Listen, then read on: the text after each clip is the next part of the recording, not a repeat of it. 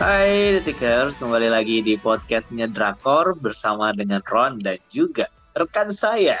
Nadia.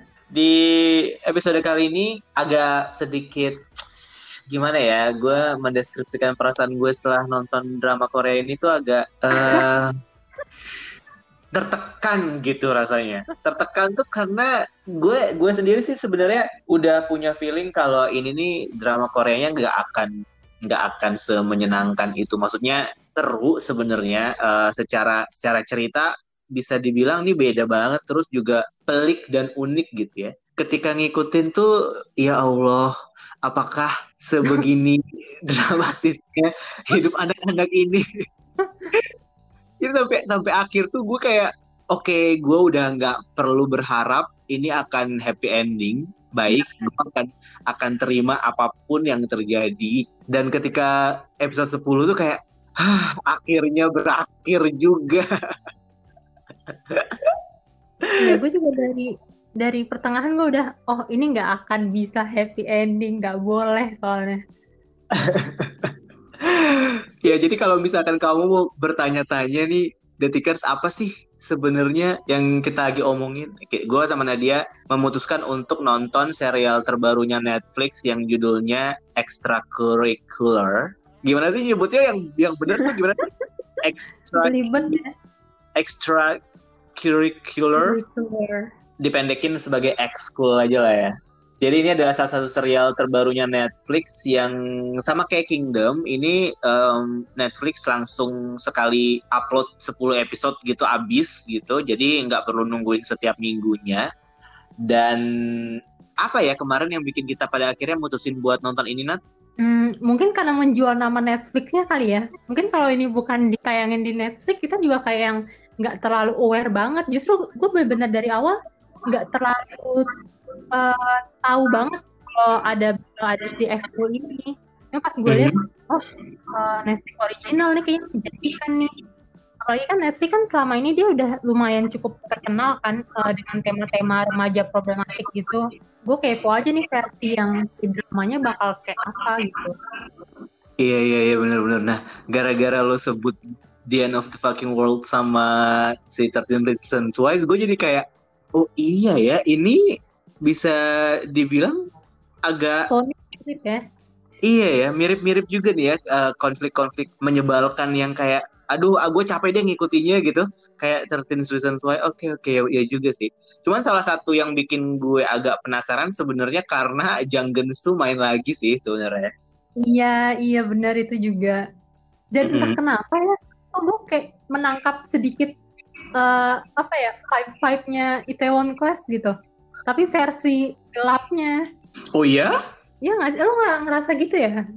Kayak dari theme song. Oh, iya, theme songnya iya, theme songnya iya, iya. Theme songnya iya. Songnya kan. Terus uh, juga dari segi-segi pemberontakan anak remajanya gitu. Cuman iya, emang iya, ini bener. sisi kelamnya aja. Ah, betul, betul, betul. Oke, sebelum kita lanjut mengulas tentang ekstrakurikuler, mungkin kasih tahu sinopsisnya dulu kali ya, Nat ya. Monggo. Jadi, uh, ini tuh bercerita tentang Oh Jisoo, siswa SMA teladan yang pendiam, tenang, selalu nomor satu. Pokoknya tuh nggak punya catatan hitam sama sekali deh. Sampai-sampai guru wali kelasnya tuh jadi khawatir kan, kayak kamu nggak pernah bikin kesalahan sedikit pun gitu. Nerd. Dan ternyata emang benar balik itu semua tuh si Jisoo ini diam-diam menjalani bisnis ilegal dia tuh menyediakan jasa perlindungan untuk para pelaku prostitusi. Sebenarnya kedengarannya kayaknya uh, baik ya justru ya memberikan perlindungan keamanan gitu. Tapi permasalahannya di sini adalah dia itu kan masih uh, anak sekolah di bawah umur dan yang lebih parahnya lagi tuh salah satu pengguna jasa dia si pelaku prostitusinya itu salah satu teman sekolahnya dia di SMA itu gitu tapi untungnya sebenarnya sejauh sejauh ini selama satu, satu setengah tahunan dia menjalani bisnis legal ini sih selalu lancar. Dia bahkan sampai udah ngumpulin 60 juta won untuk biaya kuliah dia nanti. Subhanallah. Saya ya. Apakah kita harus meniru Oji iya eh tolong ya jangan jangan adik-adik ya. Lanjut lanjut lanjut. Nah uh, masalahnya tuh justru mulai pelik ketika bisnis ilegal dia itu diketahui oleh si Yuri. Jadi sekilas tuh kayak anak populer yang banyak temen, anak tajir, pokoknya almost perfect deh. Cuman ternyata dia tuh nggak kalah problematik, agak aneh gitu deh sifatnya.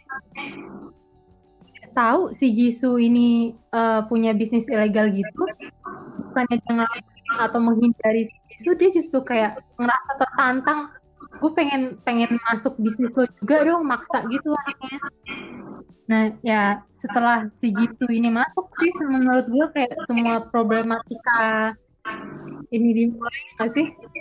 Iya benar benar benar jadi sebenarnya awalnya juga setelah Begyu eh Jisoo ketemu sama Begyuri kayak langsung berubah gitu. Uh, dunianya langsung berantakan ini gara-gara si Begyu kepo-kepo handphone lah segala macem akhirnya ketahuan lah nih bisnis kotornya gitu. Tapi gue sebenarnya agak memaafkan sih apa yang dilakukan sama Beg Yuri sebenarnya ya karena uh, kan nggak ada karakter nggak ada karakter remaja di ekstrakurikuler ini kan yang benar-benar 100% anak baik-baik kan sebenarnya. Iya, nggak ada. Si Oji anak broken home gitu. Akhirnya memilih untuk mandiri walaupun orang tuanya sebenarnya ada tapi nggak mau dia bergantung sama orang tuanya dan dia pilih jalan pintas untuk cari pekerjaan yang apa pun deh yang penting menghasilkan uang biar dia bisa lanjut sekolah gitu. Tapi di sisi lain memang juga tujuannya mulia sih buat menyeko menyekolahkan dirinya sendiri gitu kan. Mm-hmm. Terus si Begyu juga dibalik kesempurnaan dia di sekolah itu ternyata dia adalah seorang anak dari CEO perusahaan entertainment yang sangat tertekan banget hidupnya gitu. Yang mm. tuntutannya itu gede banget di mana kayak dia harus selalu jadi sempurna nggak cuma di sekolah tapi juga di rumah gitu. Pada akhirnya dia jadi aduh terluka deh gitu. Walaupun gue agak sedikit agak sedikit kecewa sih karena konflik batinnya si Gyuri jadi nggak terlalu dieksplor lebih banyak. Ini kan keluarga disfungsional banget nih. Terus uh, si Begyu tuh kayak udah hancur banget gitu ya. Sebagai manusia tuh kayak udah udah hancur hatinya gitu. Tapi dia tuh nggak terlalu banyak dieksplor lebih jauh gitu. Yang masalah dia punya kebiasaan ngopek-ngopekin jari sampai berdarah. Terus uh, apa dia punya imajinasi gelap ngebunuh orang tuanya yeah. menurut gue tuh kayak hah gue tertarik nih untuk tahu lebih banyak tentang dia dan bagaimana karakter dia bakalan berlanjut dari latar belakang keluarganya dia yang kayak gini gitu. Tapi sayangnya sih nggak terlalu yang banyak-banyak banget. Walaupun mungkin mungkin disengaja juga sih karena pada akhirnya kalau misalkan porsi keluarganya lebih diperdalam gitu mungkin ini nggak bakal bisa sih cukup 10 episode ya pasti bakal agak agak panjang jadinya. Mm-hmm. Dan emang benar kata lo justru si Beguri ini tuh kayak uh, salah satu penghidup drama ini sih. Betul. Kayak di episode itu kan uh, tebel banget karena kita diceritain soal si Jisunya kan baru mulai bahas ke Jisu itu di episode 2 kan di mana gue beberapa kali justru kayak ngerasa kok ada jadi kayak ada five five nya Parasite juga nih? Yang bahas isu sosial uh, apa hal-hal ironis kayak yang semua orang tuh di sini tuh kayak nggak boleh bahagia gitu loh. Iya iya iya iya. Dan juga kayak si Somininya juga yang jadi salah satu prostitutnya itu juga beralasan kan kenapa akhirnya dia milih untuk uh, kerja sampingan yang kotor gitu gara-gara ya emang dia ada tuntutan untuk membahagiakan pacar yang abusive banget gitu. Dan uh, dia juga nggak punya orang tua dan segala macam. Jadi semua semua karakter utama remajanya itu benar-benar dibuat sangat-sangat hancur gitu sosok-sosok yang hancur gitu yang pada akhirnya ya wajar sih. Jadi kita jadi kayak gitu oh ya wajar sih dia kayak gini gitu. Oh wajar sih dia jadi kayak gitu jadi mikirnya jadi kayak gitu. Iya. Ini kan kayak ngebahas tentang anak remaja cuman gue kayak nggak yakin gitu apakah kita harus merekomendasikan ini kepada anak remaja. Iya sih karena kalau dilihat dari ratingnya kan juga sebenarnya 16 plus ya tapi secara cerita tuh kayak mm, bukan maksud gue kayak bukan drama Korea kebanyakan yang bisa dinikmati oleh kebanyakan remaja juga gitu gak sih? Iya, kayak gelap banget gitu loh. Mm-hmm. Mungkin kalau Nasar KDI nonton ini langsung nyanyi seperti mati lampu deh. dan gue lihat tuh juga kayak gini eh, kalau gue tuh mikirnya sebenarnya misinya sih sebenarnya bagus ya. Maksud gue kayak kayak mungkin di Korea sendiri gitu kasus-kasus seperti ini tuh kayak udah banyak gitu ya. Bikin orang jadi lebih aware bahwa ternyata kita tuh nggak bisa menggampangkan permasalahan siapa pun gitu. Dan yang gue suka dari ekskul ini sih sebenarnya bahkan sosok sesempurna Begyu sama Oji gitu mereka tuh tetap ada sisi gelap yang wah ternyata segelap itu gitu kayak misalkan Oji deh dia terlepas dari dia pinter dia juga menjalankan bisnis dan dapat duit walaupun kotor gitu ya dengan cara itu dia bisa survive tapi di saat yang sama juga dia tuh banyak banget punya kecemasan-kecemasan yang dia tuh nggak tahu mau ngomong sama siapa karena dia nggak punya temen gitu. Itu tuh sebuah hal yang menurut gue kayaknya lumrah deh di sebuah negara yang fase hidupnya tuh apalagi kalau di Seoul gitu ya kayak cepet banget yang orang-orang tuntutannya itu sangat-sangat besar, sangat-sangat tinggi gitu. Padahal kalau mau dipikir-pikir ya, kalau dibandingin sama dramanya Kim Dong yang sebelumnya Sky Castle gitu yang udah jelas-jelas nih tentang orang tua yang bener-bener ingin anaknya itu jadi sukses gitu. Tapi di X-School ini hmm. Karakter Oji ditampilkan dengan dia bahkan tidak punya orang tua, tapi dia tetap punya beban untuk bisa gue harus masuk universitas SKY gitu. Maksud gue tuh kayak itu tuh menyakitkan sih buat gue karena kayak gimana ya? gue tuh nggak melihat sama sekali orang-orang ini tuh menikmati hidupnya gitu loh di mana seharusnya iya. sebagai anak SMA gitu ya adalah waktu di mana kita tuh lebih banyak explore lebih banyak main-main gitu lebih banyak bergaul gitu kan. Dan kemudian itu bikin gue jadi mikir yang paling manusiawi dari semuanya ini ternyata si Kokite gitu. Karena dia tuh walaupun bully gitu ya tapi at least dia menikmati hidupnya gitu. Nggak ada tuntutan dia harus jadi orang pinter nggak ada tuntutan dia harus masuk universitas lulus ujian gitu. Nah, kalau emang gue mau ngerokok ya udah nggak apa-apa gue ngerokok aja. Ya nggak sih? Kayak di antara empat empatnya dia memang bermasalah juga. Tapi di antara keempat karakter remaja itu kayaknya dia yang paling menikmati hidupnya. Ya ini kayaknya sengaja dibuat kayak apa namanya istilahnya kayak kebalikan gitu loh. Si Kokite yang kelihatan paling bermasalah justru dia paling better sebenarnya ya dibandingkan si Jisoo. Bener-bener. Makanya gue pas ngeliat yeah. kayak gue sih sebenarnya paling menghindari nonton drama-drama yang ada unsur-unsur bullyingnya sih. Karena capek gitu loh ngelihatnya kayak kalau si Mini di drama ini dia tiba-tiba kena serangan panik ketika dia melakukan tugas sebagai prostitut gitu. Gue malah ketika nonton orang dibully itu kayak gitu. Aduh kasihan gitu pengen bantuin tapi gak bisa. Dibandingkan dengan adegan bunuh-bunuhan tuh gue lebih takut ngelihat orang dibully sebenarnya. Makanya gue nggak suka banget sama karakter kuat kita tapi menuju ke episode-episode terakhir gue ngerasa kayak nah, ternyata karakter ini yang paling manusiawi ya ternyata iya dan ini tuh emang gimana ya uh, drama yang banyak banget sensitif kontennya sih ya betul mulai dari kekerasan, uh, apa, bully, toxic relationship, broken home, kesenjangan sosial, apalagi Ron? Terus mental health. Mental health, terus juga uh, apa namanya tentang perdagangan seks gitu kan? Iya. Terus juga isu soal bunuh diri juga sempat disinggung kan? Hmm, hmm, hmm. Makanya setiap darah muntah. Mak makanya setiap akhir episode kan dia juga ngasih pemberitahuan kan kalau misalkan emang lo butuh bantuan, ini yang harus dihubungin atau cari orang untuk di untuk teman-teman bicara gitu.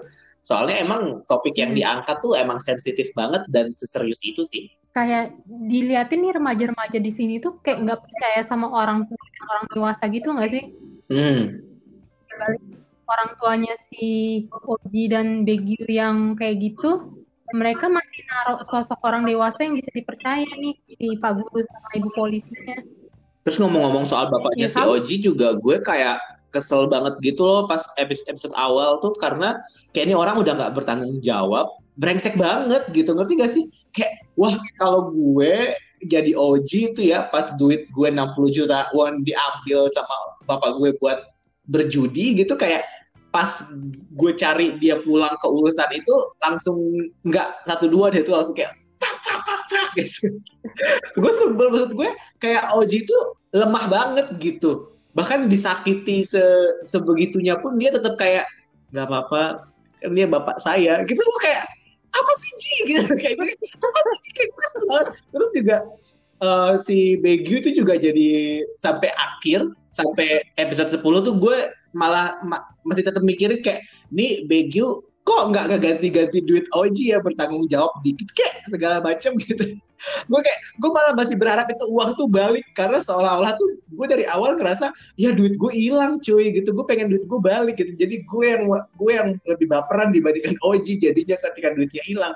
Terus ketika sampai episode terakhir kayak ya duitnya nggak balik kasian banget Oji sensitif ya bu masalah duit. Iya ini salah satu topik yang sangat sensitif juga karena Oji sendiri sudah bekerja keras gitu untuk mengumpulkan duit dengan berbicara bahasa anjing setiap ditelepon kan terus tiba-tiba duitnya hilang begitu saja gitu. Moral story yang mau disampaikan di sini tuh uang haram tuh gampang menguap loh. Oh iya benar juga sih ya. Bahwa kita ternyata tidak bisa hidup dengan uang haram cuy. Iya gak sih? Kayak yang setelah mereka dapat uang dari si siapa tuh? Yang cowok psikopat itu kan yang udah ditaruh di bawah sofa itu hilang juga kan ujung-ujungnya iya betul. Dan sebenarnya ketika gue bertanya-tanya soal Gyuri ngeganti duit Oji itu kayak oh ini kali diganti duitnya lebih banyak nih kan soalnya duitnya. Ah ternyata nggak jadi juga didapatin. Tapi sebenarnya dia udah berusaha mengganti sih yang dia kasih apa uang buat dana memulai usaha lagi tuh loh yang dia jual-jual barang. Betul. Terus juga ketika dia akhirnya minta duit blackmailing orang orang tuanya juga gue pikir kayak oh ditransfer nih sisanya ke Oji buat ganti duit itu gitu. Ternyata enggak. Tetap ya gue masih mikirin duit orang. Lu cocoknya jadi akuntan deh Ron.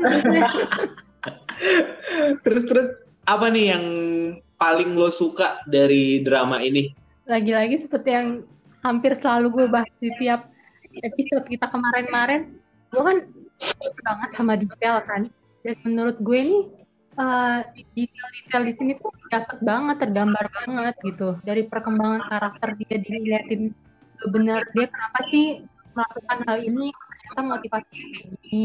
Ceritanya tuh enak banget gitu ngalir gitu. Gue lebih suka kayak gini daripada si The King kayak gitu yang bikin pusing. Iya gue juga akhirnya setuju. Awalnya memang gue bilang ke lo kalau aduh gue ngantuk nih nontonnya bosen yang episode 1 gitu ya.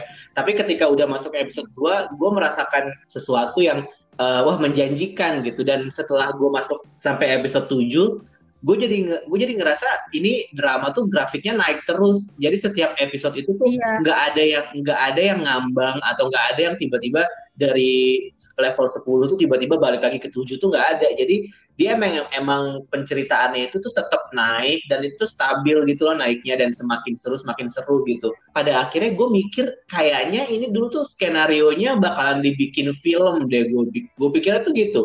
Iya, 10 episode ini tuh ngerasa pas banget ya Ron. Mm. Kalau misalkan dia buat 16 episode atau apa nggak kebayang kita lelahnya kayak apa. Iya beneran. Karena iya. jujur aja sampai 5 aja tuh udah yang kayak capek cuy gitu. Tapi tetap penasaran dan maksimal dan klimaks iya. capeknya itu udah kayak di 7 8 tuh udah kayak wah gimana nih akhirnya bakal kayak gimana gitu.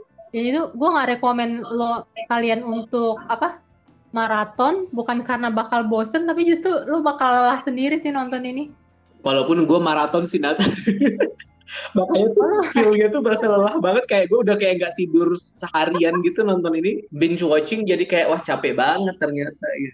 Kalau gue sih yang gue suka dari drama ini tuh selain emang dia nggak bertele-tele juga karena karakter-karakternya pun nggak terlalu banyak dan bikin kita jadi nggak bingung gitu karena konfliknya itu ya udah ini kan udah seserius itu dan mumet banget gitu. Dan dia nggak membuat itu lebih mumet lagi dengan penambahan karakter-karakter yang nggak perlu gitu kalau menurut gue. Iya benar. Di sini tuh karakter-karakternya tuh gimana ya?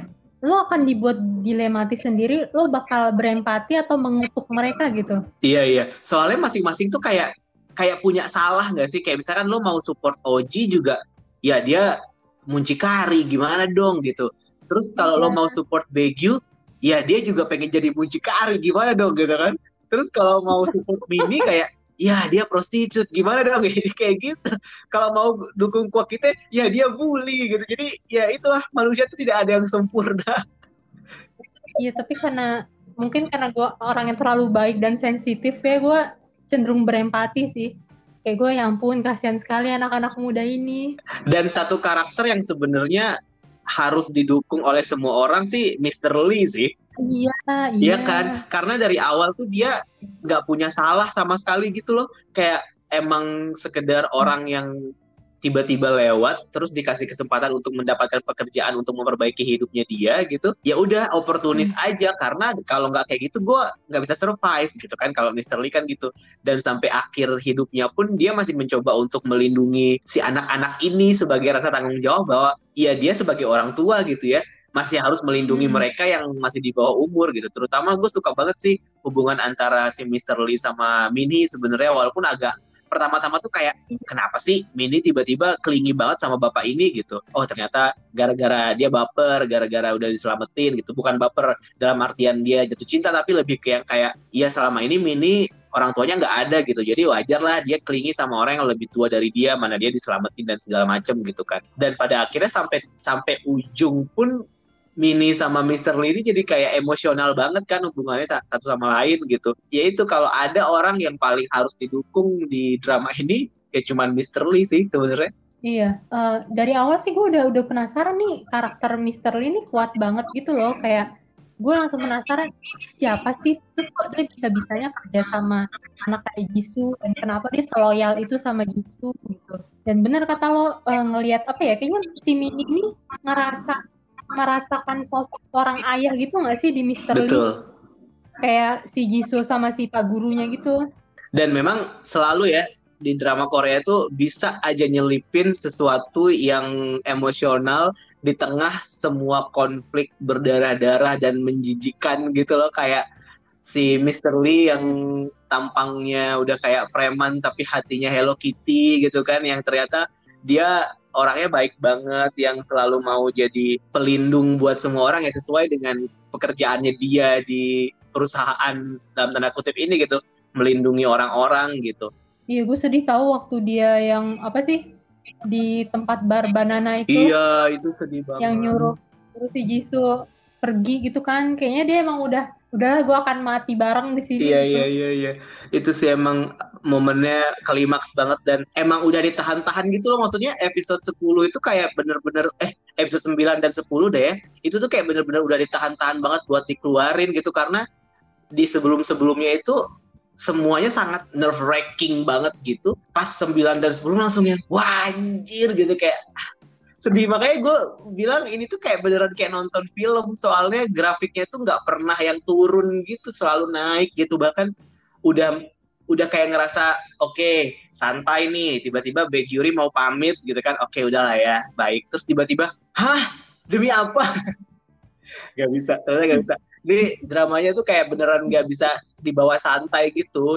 Terus juga satu hal yang gue suka lagi Iya, Pak. dari drama ini tuh bagaimana dia menggambarkan uh, mimpi-mimpinya Oji yang absurd dan kecemasan-kecemasan Oji yang absurd gitu loh yang kayak di episode terakhir yang waktu dia tiba-tiba ngegeret mayat sama yang waktu adegan Mhm. dia ngomong sama Kumbang bagaimana cara menjelaskan apa yang terjadi itu menurut gue lucu sih dan itu beberapa adegan yang kocak sebenarnya di di tengah di tengah semua peliknya drama ini. Iya sih itu kayak style-style eh, gimmick-gimmicknya film banget iya, kan. makanya gue bilang ini tuh kayak vibe film abis sih. Iya sih si Jisoo ini kayak dari awal pas ditanya eh, mimpi kamu sederhana sekali gitu kan.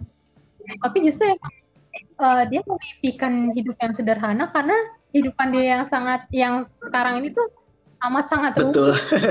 Kalau dipikir-pikir emang gitu sih. Ya, ya, orang yang punya mimpi sederhana, kayaknya biasanya hidupnya tuh nggak sederhana. Iya ya, dan ini salah satu contohnya ya si Oji ini. Tapi yang paling mengejutkan sebenarnya ketika Baekgyu mutusin buat uh, blackmailing orang tuanya sih. Oh, Gue tuh nggak nyangka sebenarnya bahwa akhirnya tuh akan begitu gitu. Gue kira tuh kayak Baekgyu bakalan yang ya udahlah gitu ya. Ketika ini semua udah berakhir dan udah keterlibatan polisi segala macam kayak ya udahlah gitu. Dia lagi pula dia juga udah menghancurkan barang bukti dan segala macam.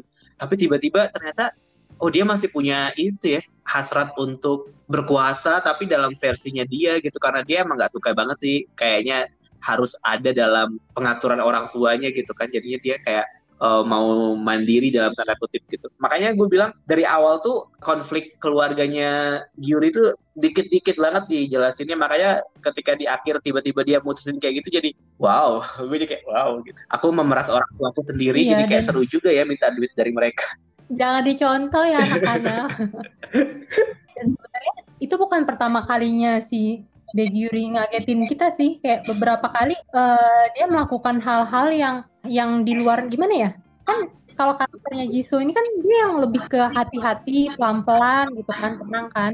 Sedangkan si kedatangan Gyuri ini yang lebih contohnya yang kayak waktu dia mau kabur dari si preman psikopat dia tahu-tahu iya, iya iya iya iya dalam mobil kan. Iya kan? Parah banget sih itu aksi kabur mereka nusuk nyetrum nabrak. Waktu dia mutusin tiba-tiba balik ke tempat karaoke banana itu juga sih. Gue yang tegang anjir nih anak mentalnya gimana sih? Baru habis diculik semalam. Dia kayak dia kayak beneran kayak beneran psikopat gitu tahu jadinya. Mm -mm. kayak nggak ada rasa takut kayak kayak bosan itu gitu. Kayak hidup ini tuh membosankan buat iya iya mungkin itu juga sih. Mungkin dia memang berpikir bahwa hidupnya ini terlalu terlalu diatur sih sampai pada akhirnya dia pengen rebel gitu. Hmm. jadinya kayak ya oke okay, apa pun yang ada di depan gue dan kalau itu bisa memberikan adrenalin gitu kayak kenapa enggak gitu. Makanya gue rasa itu sih motivasi dia kenapa dia akhirnya mau bergabung sama bisnis kotor ini gitu bukan cuma sekedar karena uang sebenarnya kan. Makanya kan kata si Jisoo si Baekhyun ini sebenarnya nganggap ini kayak cuman permainan aja dia main-main doang. Sementara si Jisoo bergantung hidupnya sama bisnis ini ya. Iya makanya dia tuh kayak apa ya sama si Yuri yang awalnya suka jadi kayak cinta dan benci gitu iya, loh. iya iya jadi dilematis sendiri sama si Jisoo nih selain Mr. Lee kayaknya kita perlu mengapresiasi si ini deh si Rudeyo yang si psikopat baru itu. Iya si preman psikopat itu. Itu parah sih gue gak nyangka bakal ada karakter kayak gini dengan adegan apa ruangan di digergaji. Iya iya. Awalnya ketika dia muncul dengan tanpa pakaian itu tuh kayak oh bercandaan doang nih nggak bakal jadi karakter yang penting gitu ya kayak karakter bodoh-bodoh tapi tuh psikopat juga iya bener tapi ya? ya ya bener sih psikopat kan emang gitu kan yang kayak nggak kenal ampun karena bahkan mereka membicarakan membicarakan soal mutilasi aja tuh dengan segampang itu gitu. Mm-mm. Overall sih gue suka banget sih sama drama mm ini Ron dan dan di luar ekspektasi gue banget si Bong Hee antara karakter jadi Gensu di Itaewon Class sama jadi Jisoo di Extracurricular ini tuh beda banget. Dan bagus banget actingnya Nat. Iya. Gue suka banget deh. Kalau dia jadi Gensu kan kita ngenyain iya. dulu kan. Tapi di sini tuh dari episode 1 tuh gue dia udah berhasil bikin gue simpatik sama karakter dia sih bikin gua iya bener. gitu. maksudnya memang sih dia punya aura um, anak SMA yang emang korban bully banget nih gampang banget dikerjain gitu ya. Tapi unexpectedly ketika dia harus berakting punya penyakit mental terus juga dia marah dia nangis itu kayak wah bagus banget. Gue kayak nggak nyangka sih. Hmm. padahal kan sebenarnya kalau kita perhatiin lagi tuh karakter tokoh Gensu sama Jisoo tuh sebenarnya nggak jauh beda kan? Kayak sama-sama anak terlantar yang hmm. tersakiti kan? Cuman di sini mungkin karena dia pertama kali dia jadi tokoh utama dan diberi ruang lebih untuk menunjukkan bakat dia jadi sih kelihatan sih kalau ini menjanjikan banget si Kim Dong Hee. Iya setuju setuju.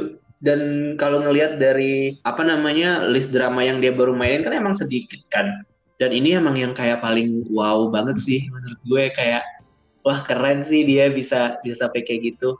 Dan gue suka banget sama Yuri karena dia mirip Suho EXO. Gue kayak iya ya ampun ini iya Suho banget. Jadi setiap kali gue nonton itu tuh kayak gue angle mana yang dia paling mirip? Oh yang ini angle yang paling mirip yang mana kayak gitu jadi kayak ngebayanginnya Suho jadi cewek aja gitu kalau gue mungkin uh, gue emang dasarnya suka sama tokoh karakter cewek yang extraordinary gitu kali ya. Kayak gue kan suka banget tuh sama si itu hmm. kan dulu kan. Terus sekarang gue juga cewek psikopat. iya iya iya benar-benar. Yang bikin ini nggak ngebosenin itu emang Becky Yuri sih.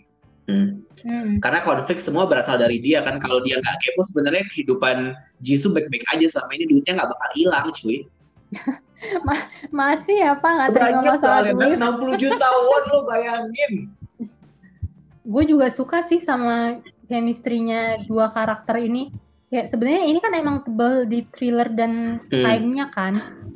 Cuman di sela-sela itu tuh mereka masih bisa berhasil nyelipin sedikit romance-nya Iya, dua anak dan ini sih. beneran kayak sedikit gitu ya. Tapi Iya, iya, berhasil iya. gitu. Di luar dugaan kayak dia ngejalanin di dunia bisnis prostitusi, tapi dia tuh masih kayak yang polos suci, innocent Iya, gitu. maksudnya ya tetap mempertahankan realita bahwa mereka tuh masih underage dan masih SMA gitu ya. yang kayak di di apa yang cekek-cekek manja lehernya itu langsung deg-degan gitu kan Gue yang paling suka adegan terakhir yang waktu mereka di pinggir sungai Han terus uh, pas si Jisunya nangis, terus Baekhyunnya pengen ngebelai tapi nggak jadi terus dia pergi.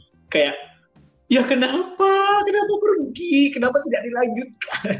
Udah gemes sendiri gue. iya kasihan banget sih dua anak ini kayak mereka tuh terjebak dalam situasi di mana mereka jadi kayak nggak bisa mencintai dengan dengan kayak orang normal gitu karena udah terlibat situasi Iya yang iya tidak benar normal benar benar. Tapi kalau misalkan kita lihat dari perjalanan ceritanya pun, gue rasa kalau terlalu banyak romance, jadi drama Korea biasa nggak sih jadinya? Jadi kayak kehilangan tense dan suspense-nya gitu kalau kata gue. iya benar makanya walaupun sedikit tapi tuh anehnya bisa berhasil gitu Iya bisa iya benar benar. Oke segitu dulu episode ngedrakor kali ini dan kita tutup dengan standing applause untuk X-School. Yeay! debak debak pada akhirnya anak-anak SMA ini menemukan ekskul yang sangat berfaedah ya. Awalnya gue kira apa gitu kan kegiat- kegiatan-kegiatan di sekolah gitu yang seneng-seneng, eh ternyata bisnis week week. Iya, pokoknya buat kalian yang masih remaja kalau nonton ini tolong kebijaksanaannya ya. Nonton sampai habis. Lo lihat sendiri bagaimana pilihan-pilihan bodoh itu tuh bisa membuat hidup lo amat sangat berantakan dan tidak sebanding.